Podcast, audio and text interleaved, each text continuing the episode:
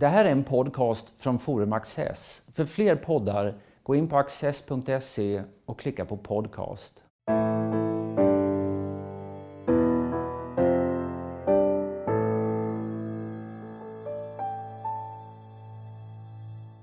Välkomna till Studio Access.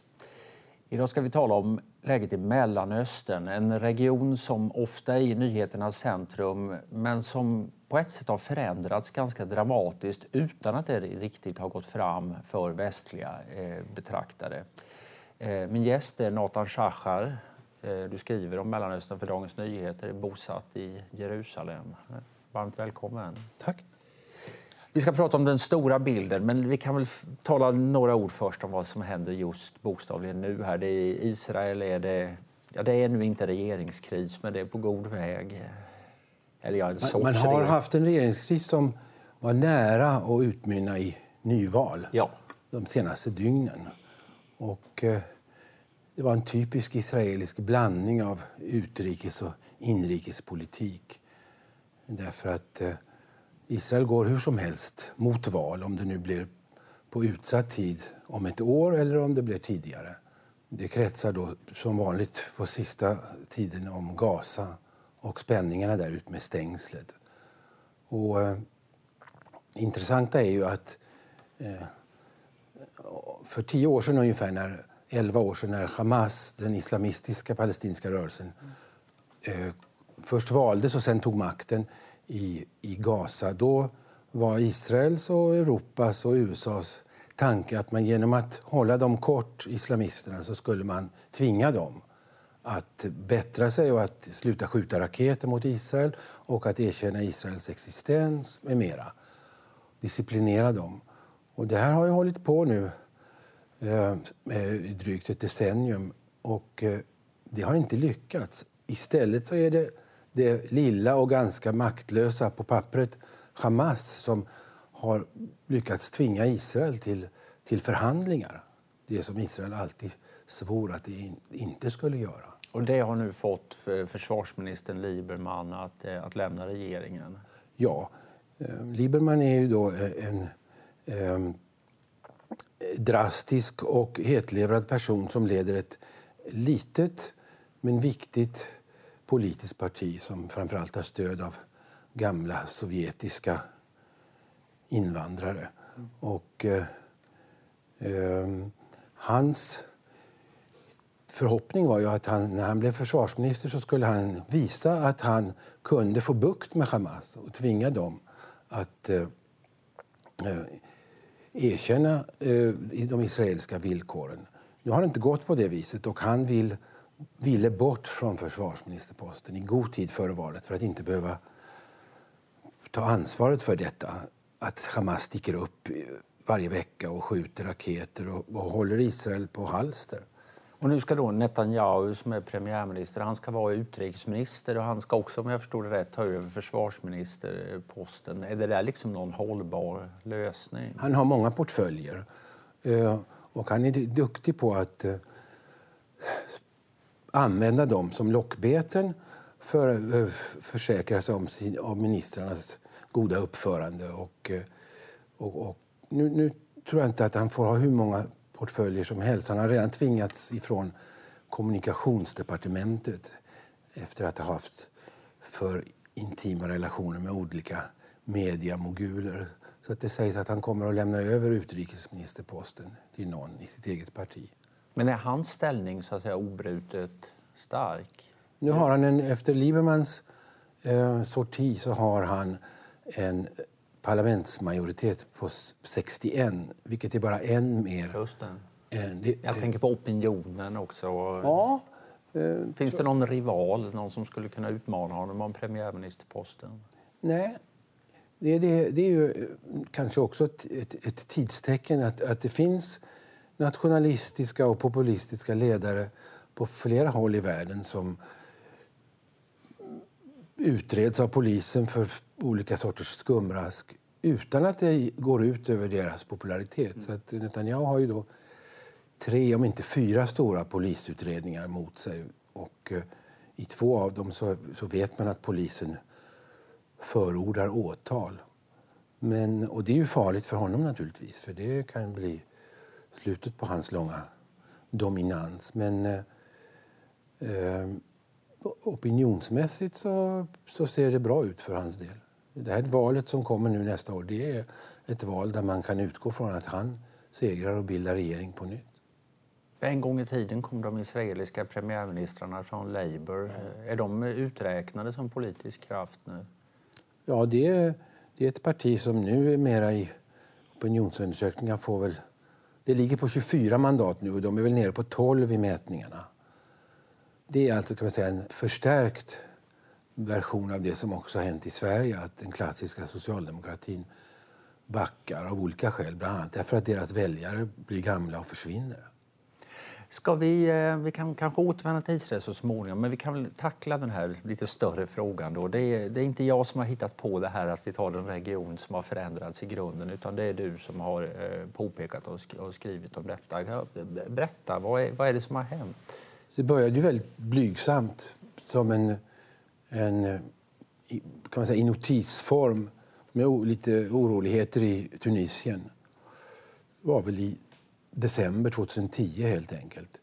Och eh, mm, av de där oroligheterna, så det som framförallt nådde oss som eh, mediekonsumenter, det var den här eh, ambulerande handlaren i Tunis som tände eld på sig själv i protest ja, mot trakasserier från polis och myndigheter för något mycket, mycket prosaiskt med något tillstånd. Senare försökte man, det är också typiskt för vår tid, att på vissa håll försökte man förvandla den här martyren då till en sorts bloggare eller internetkille som, som eh, hade varit aktiv i, i, sociala medier. Vilket var, det var helt enkelt eh, en psykos. Men många viktiga medier, bland annat Newsweek, körde med det. Den här Bouazi, Bouazizi, att han, att han så att säga, var en av oss. en riktig oppositionell ja. på något sätt. Ja, okay. Men det var bara en vanlig förtvivlad ja. medborgare? Ja. Dock så...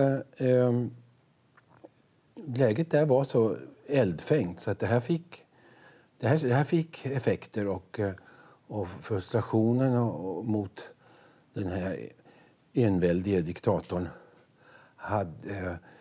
Det, det, det uppdämda vreden den eh, helt enkelt eh, kastade honom ur sadeln på, några, ja, på kort tid. Och han flydde till Saudiarabien. Men sen så efter några veckor så började det också i Egypten. Det som då västliga medier verkligen vaknade för Egypten är ju ett, ett nyckelland i Mellanöstern. Och, och då i samband med de här mm, massdemonstrationerna på Frihetstorget i Kairo så myntades det här uttrycket den arabiska våren som, inte, som har kommit ur bruk eftersom det, någon vår blev det knappast, för vare sig för egyptiernas eller för arabernas del. Ja, och sen mycket snart liknande demonstrationer som blev kravaller och blodbad och, och väpnat motstånd i, i Libyen, i Syrien, i Jemen.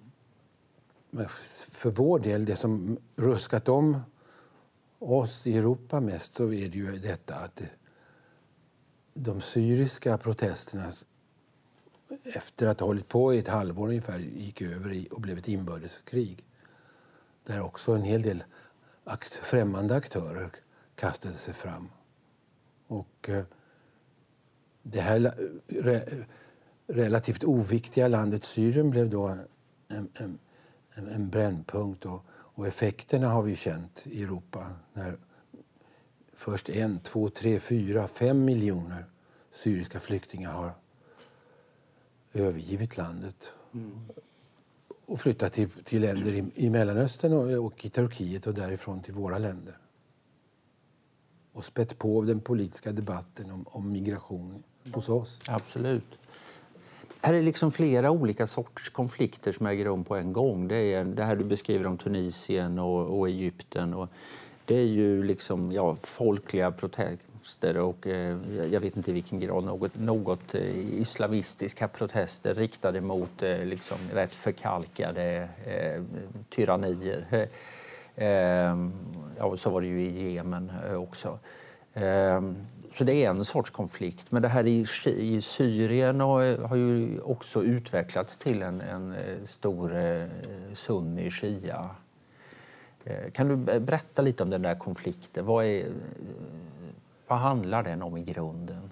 Man kan säga lite förenklat att Syrien har i många år varit en diktatur som styrs av ett, på pappret av det så kallade Baath-partiet, renässans eller förnyelsepartiet. Men detta Baathparti är en kuliss för att det som verkligen, de som verkligen styr Syrien är ju familjen Assad och i någon mån hela den alawitiska minoriteten. Alltså en, en, en, en sekt som står nära islam och som är sprungen ur shia-islam men som har mycket egna levnadsregler och, och, och de flesta alawiter är överhuvudtaget inte särskilt religiösa. Protesterna mot det, det, detta svåra tyranni de var eh, inte som regimen säger främmande agenter och terrorister. Och, utan det var helt, genuint folkligt, mm. folkliga protester mot de svåra förhållandena i Syrien. Inte bara förtryck, men också missväxt och usla, försämrade levnadsförhållanden. Men när det slog över i våld så var president Assad mycket snabbt framme och gjorde vad han kunde för att det här skulle så att, säga, att lägren skulle formera sig etniskt. Så att han, hans, regimen då skrämde de stora minoriteterna som alltid har varit rädda för, för sunnimuslimerna. Sunnimuslimerna är i majoritet i Syrien, mycket stor majoritet. Men druserna och, och shiiterna och alawiterna och de kristna har då hört till Baath-regimen och, och haft kanske lite bättre möjligheter att göra karriär. Och det här eh, det, det lyckades kan man säga därför att eh, de som sen gav sig in i kriget eh, eh Iran å ena sidan som då sen länge hade en nära relation till Assad och som, som sympatiserar med hans läger. De, de engagerade sig och, och Hizbollah-milisen som är deras verktyg på, på regimens sida medan president Erdogan i Turkiet som står nära sunni-islam och som kan, utan att kalla sig eh, medlem av det muslimska brödraskapet står mycket nära brödraskapet som har varit det stora i många år eh, hemliga eller säga, underjordiska oppositionen i Syrien. Och al-Qaida drogs dit och saudierna kastade sig in. Och USA tvekade länge och har skickat lite i marginalen till allt det här hjälp till olika, men eh, inte alls så som... Och så dök den här Islamiska staten upp. Ja, det var ju... Daesh. Det var, det var häpnadsväckande att, att då sommaren 2014 var det väl, när de plötsligt... De hade redan parkerat sig någonstans på gränsen mellan Irak och, och Syrien. Men sen så plötsligt så kastade de sig fram och tog Mosul som är Iraks andra stad och enorma amerikanska vapenförråd som blev deras. Ja, de kallade ju på hjälp från sina sympatisörer från, både i regionen och i Europa. Det har ju också blivit så att säga, en aspekt av detta.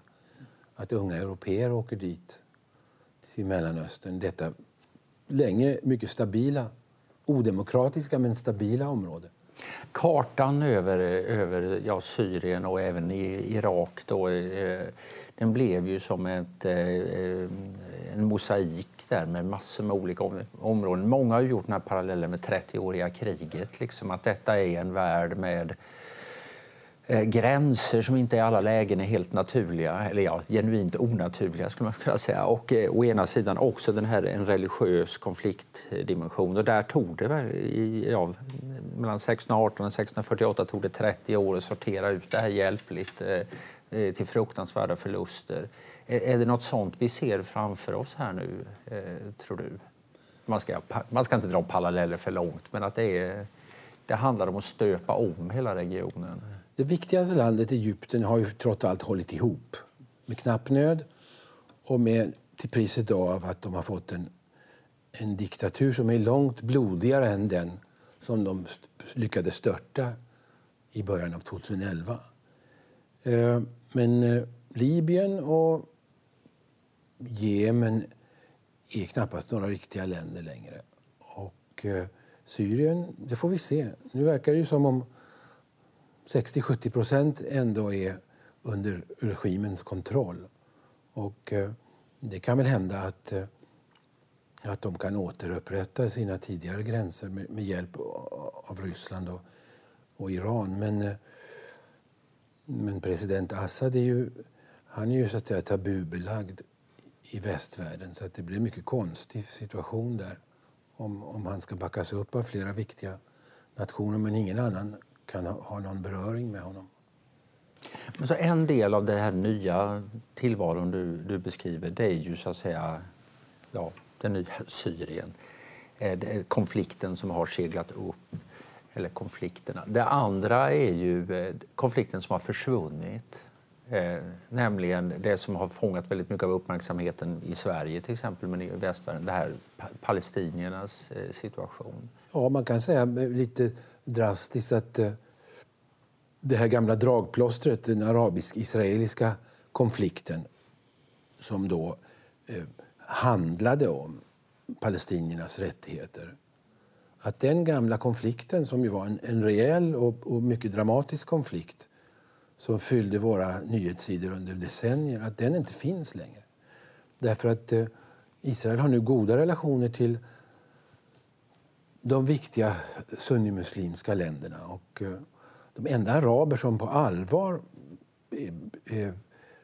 bekämpar Israel med vapen i hand det, det är ju eh, de som stöds av Iran. Hizbollah i Libanon och, och i någon mån Hamas i Gaza. Men Hamas som sagt förhandlar samtidigt med Israel. Och den stora förloraren i detta paradigmskifte det är ju palestinierna som var bortskämda eh, länge med att vara så att säga, tredje världens mest intressanta folk. I alla fall för opinionsmässigt och intressemässigt för, för västerländska mm, tidningsläsare. Mm. Men du, nu har den västerländska medienärvaron i stort sett upphört om jag förstår det? Ja, det, det, det är alltså eh, det som händer på, på Västbanken och i Gaza, hur pass um, tråkigt det än är. Och, uh, så kan det inte tävla då med vad som har utspelats i, i länder intill. Med, med, med mångdubbelt, tusenfalt fler döda och, och, och, och mycket mer hårresande övergrepp mot civila eh, än vad som sker under den israeliska ockupationen. Och, och man kan säga att de som eh, med liv och lust ställde upp för palestinierna, till exempel eh, den svenska regeringen Eh, de har nu fått så mycket, det har blivit så... Eh, det är inte alls så entydigt längre detta med palestinierna och Mellanöstern och, och, och, och vår roll. Och, så att jag menar, nu... Det går fortfarande en hel del pengar och politisk energi dit. Jo, men det går, lite, det går pengar men, men, men protesterna är mycket lamare när, när, när det händer någonting. Och USA har som sagt skurit ner hela sitt bistånd till palestinierna, vilket är oerhört dramatiskt. I synnerhet med tanke på att USA lovar att man när som helst, kanske nästa månad, kommer med en fredsplan. Mm. Och, och eh, eh, så att, eh, där har då Israel till sin Israels nationalistregering kan vi säga, till sin förvåning och glädje hamnat i en, i en helt annan eh, sits än de är vana vid. Vi, vi såg häromdagen under senaste skjutduellerna kring Gaza då både Frankrike och fru Merkel och naturligtvis USA skällde på palestinierna att de sköt raketer och Israel har all rätt att försvara sig. Och det här som vi är vana vid, att man samtidigt manade Israel till besinning, det var borta. Och, eh, så att det har hänt något. Och israelerna har... Mm, Netanyahu är en skicklig diplomat. Och han har observerat de här förändringarna som vi har talat om och utnyttjat dem till sin fördel. Men, och vad är din bild till, att, eh, liksom, eller idé om vad, som är den viktigaste orsaken till detta? Är det en sorts utmattning, att man inte orkar längre eller är det att Syrienkriget har svalt all uppmärksamheten? Eller finns det andra komponenter i det här? Det är en sorts eh, utmattning, både på UD och på tidningsredaktionerna och hos läsarna. Eh, därför att vi, vi kan inte skildra hur mycket som helst dramatiska och blodiga händelser eh, i, under sju, åtta år i andra delar av arabvärlden och sen vänta oss att, att, att läsarna ska vara lika receptiva och lika känsliga för, för skildringar från, från Västbanken och, och engagera sig på samma sätt för palestinierna som, som innan dess. Om man inte ens ingriper för att stoppa det som hände i Syrien. Har engagemanget avtagit även i andra arabstater? Mm. Alltså inte på ledarnivå då, utan ja. på mer folklig nivå. Det är ju mycket ovanligt att vi har dramatiska saker med Gaza och med palestinierna och att det inte är demonstrationer i Kairo mm. eller Beirut eller någonstans för deras del. Och det beror på en annan faktor då som, som, som spelar samman med det här som vi nämnde, nämligen Iran. De flesta sunnimuslimska regimer är nu oerhört mycket mer intresserade av Iran att eh, konfrontera Iran och, och eh, hindra iransk infiltration i sina länder och, eh, och så att säga eh, jäcka Irans stormaktsambitioner. Och där, det vet vi ju i, i människans historia, att ingenting kan föras samman som en gemensam fiende. Nej, nej så är det. Om, om, man tänker sig nu att det uppstår någon sorts eh, hur ska man säga, tyranniskt lugn i Syrien. Att det, liksom, det blir mindre av eh, krig och mer kanske av förtryck men, men, eh, men dock att det stabiliserar sig på det sättet. Eh, nu har Israel under lång tid kunnat leva i en sorts... Eh, eh ja, de, eh, de, har lämnats i fred eftersom det har varit bråk på andra ställen. Vad betyder detta för Israels säkerhet om Assad så att säga, verkligen kopplar greppet i Syrien och eh, med Ryssland och på plats och stöd från Iran? Jag tror att eh, Assad, han måste naturligtvis eh, säga det han säger om Israel, för det är deras politiska tradition. Det, det, men eh, han... Det, det är såna astronomiska belopp som krävs för att bara börja röja innan man kan laga Syriens vägar. Så att naturligtvis kommer de inte ha råd eller lust att återvända till någon 70-talets mycket aktiva spänningar mellan Israel och Syrien. Men eh, eh, så har vi då stormakt, främmande stormakter i Syrien och de har, de har sina preferenser och eh, i hög grad så kommer ju Syriens framtida roll att avgöras av, av president Putin och av den iranska ledningen och vad de kommer överens om sinsemellan. Alltså, vad, vad har Putin för strategiska mål, tror du nu? Han vill vara... Han har ju nu, en sak har han ju redan uppnått, att han har visat väst i alldeles maktlöshet. Deras tafatta försök att göra något tillsammans med FN i Syrien, det blev ingenting. Obama backade i sista minuten fast han hade lovat att ta i med hårdhandskarna och lät Putin regissera en sorts lösning efter de, de här kemiska attackerna. Så att bara, där har de visat väst i dess nakenhet och så har han tagit tillbaka det som Sovjetunionen hade i Syrien. Baser, riktiga baser. Och det är ju, det är ju en, en, en, en dålig nyhet för Israels del. Israel har då i många år, ända sedan nästan kan vi säga Sovjets reträtt från arabvärlden haft mycket bekvämt, framförallt vad det gäller sitt flygvapen i de här länderna och kunnat åka runt efter behag. Men nu är, är ryssarna där och de har, vet jag inte hur, i vilken mån de vill använda dem mot israelerna, men de har alltså satt upp system som, som gör det, det är mycket mer komplicerat för Israel att attackera iranska mål i Syrien. Det gjorde man ju väldigt aktivt framför till ett par månader sedan. Men på sistone har man inte hört av det israeliska flygvapnet. Så att man tänker efter nu. Hur sjutton ska vi göra här? Och hur viktigt för oss är det här vänskapen med Putin? Och hur viktigt är det för oss att attackera de iranska vapensändningarna till till Hizbollah i Libanon. Mm. Med anledning av det där, vi måste byta några ord om USA också. Eh, ser du en, en, eh, ny amerikansk strategi eller är det mer ad hoc och infall som nu styr politiken? Det, det, finns ju en konsekvens i USAs agerande, fast det är förbryllande eftersom i och med att man har givit den israeliska nationalistregeringen så mycket av det den vill ha redan innan USA presenterar sin fredsplan. Så, ambassaden till Jerusalem. Ambassaden till Jerusalem och erkännandet av Jerusalem som huvudstad. Och, och eh, nedskärningarna både till palestinska staten och till FN-organet UNRWA som är då, kan man säga, administrationen i flyktinglägren. Mm. Eh, det är ju något som, även om premiärminister Netanyahu applåderar detta och tackar Putin så är det ingenting som till exempel israeliska försvarsplanerare och, och lite mer reflekterande personer tycker är något, någon god nyhet.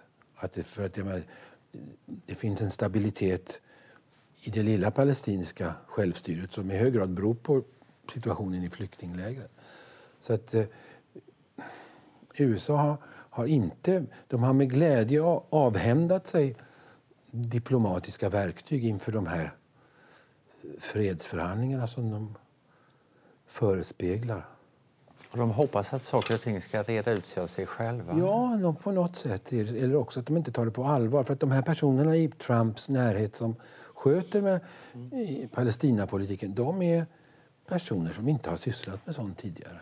Och som uppenbarligen är mycket desorienterade när de landar i regionen och ska prata med olika sorters exotiska typer och inte, har ingen erfarenhet av deras argument och har ingen riktigt vana vid att... Så att eh, det, jag skulle inte satsa några pengar på en, en USA-ledd lösning av Israel-Palestina-konflikten. Ja, om det blir någon lösning överhuvudtaget är väl den, den stora frågan. Men det är Eh, den har kommit i skymundan eh, och eh, andra större, hårdare konflikter dominerar just nu. Nathan Shachar, stort tack för att du har varit här. Tack.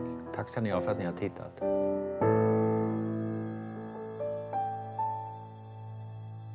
Och här kommer några extra minuter med mig och min gäst. All right, USA liksom drar sig ur eh, det palestinska området. De, har, eh, de har ju varit lite aktiva i, mot IS, eller ja, lite, men de har bombat IS och sånt här men inte funnits på marken egentligen i någon större utsträckning.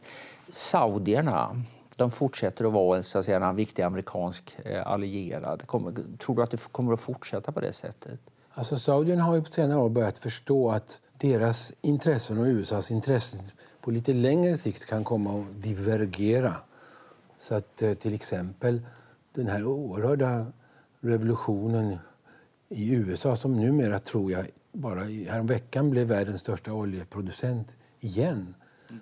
efter många år eh, lägre ner på listan har drivit saudierna nära ryssarna och de har saker och ting för sig och de, de försöker manövrera så att säga över huvudet på OPEC, alltså den gamla oljekartellen. Och det är också frågan om, om vi säger att det kommer en, en, en, en, lite mer konventionell amerikansk president efter Trump så är det inte riktigt säkert hur pass, hur pass eh, engagerad USA kommer att vara i, i, i saudiernas överlevnad. För det är ju det som, som det gäller. För det här är en regim som... Det, det är få experter som, som menar att, att den har någon riktig framtid. Men den har inte som Qatar eller Dubai hittat något riktigt bra alternativ till, till oljan. Mm.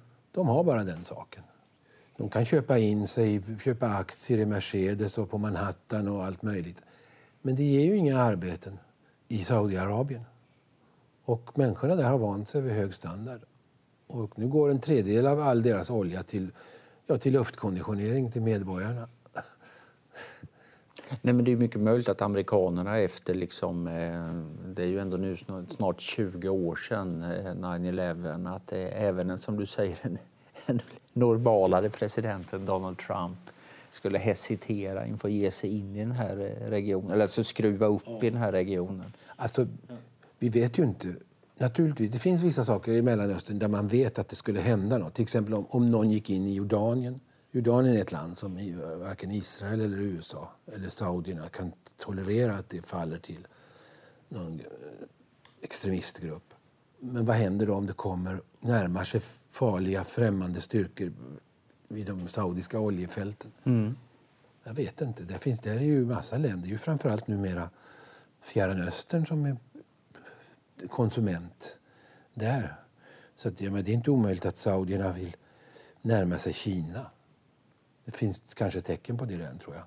Och de, har ju, de finner ju lätt varandra, sådana där regimer, eftersom de båda avskyr mänskliga rättigheter. Men, eh, men eh, ja, apropå det avslutningsvis, det här förfärliga mordet i Turkiet. Eh, varför gör de något sådant? Därför att de har blivit bortskämda under några år och ja, gjort några riktigt svåra fadäser utan att det har ändå kommit bäst efteråt. dels misstag i Jemen med bombade sjukhus och bombade skolor och den här underliga intrigen när man möjligtvis tvingade Libanons premiärminister att avgå under ett besök i Saudiarabien. Och det mycket eh, bombastiska eh, kan vi säga, ekonomiska kriget mot Qatar där saudierna tvingade de andra gulfstaterna att frysa ut och bojkotta Qatar tills Qatar fogade sig i saudiernas diktat. Och, och, och dels avlägsnade sig från Iran och dels eh, tuktades den fräcka tv-kanalen Al Jazeera som rapporterar då om till exempel saudiska regimen och korruptionen där. Ja, den ena frågan ger den andra här och vi, vi är ett evigt pärlband så vi skulle kunna sitta mycket länge till. Men eh, jag tror vi ska sätta punkt här. Alltid väldigt roligt att talas vid Nathan. Tack för att du har kommit. Tack snälla.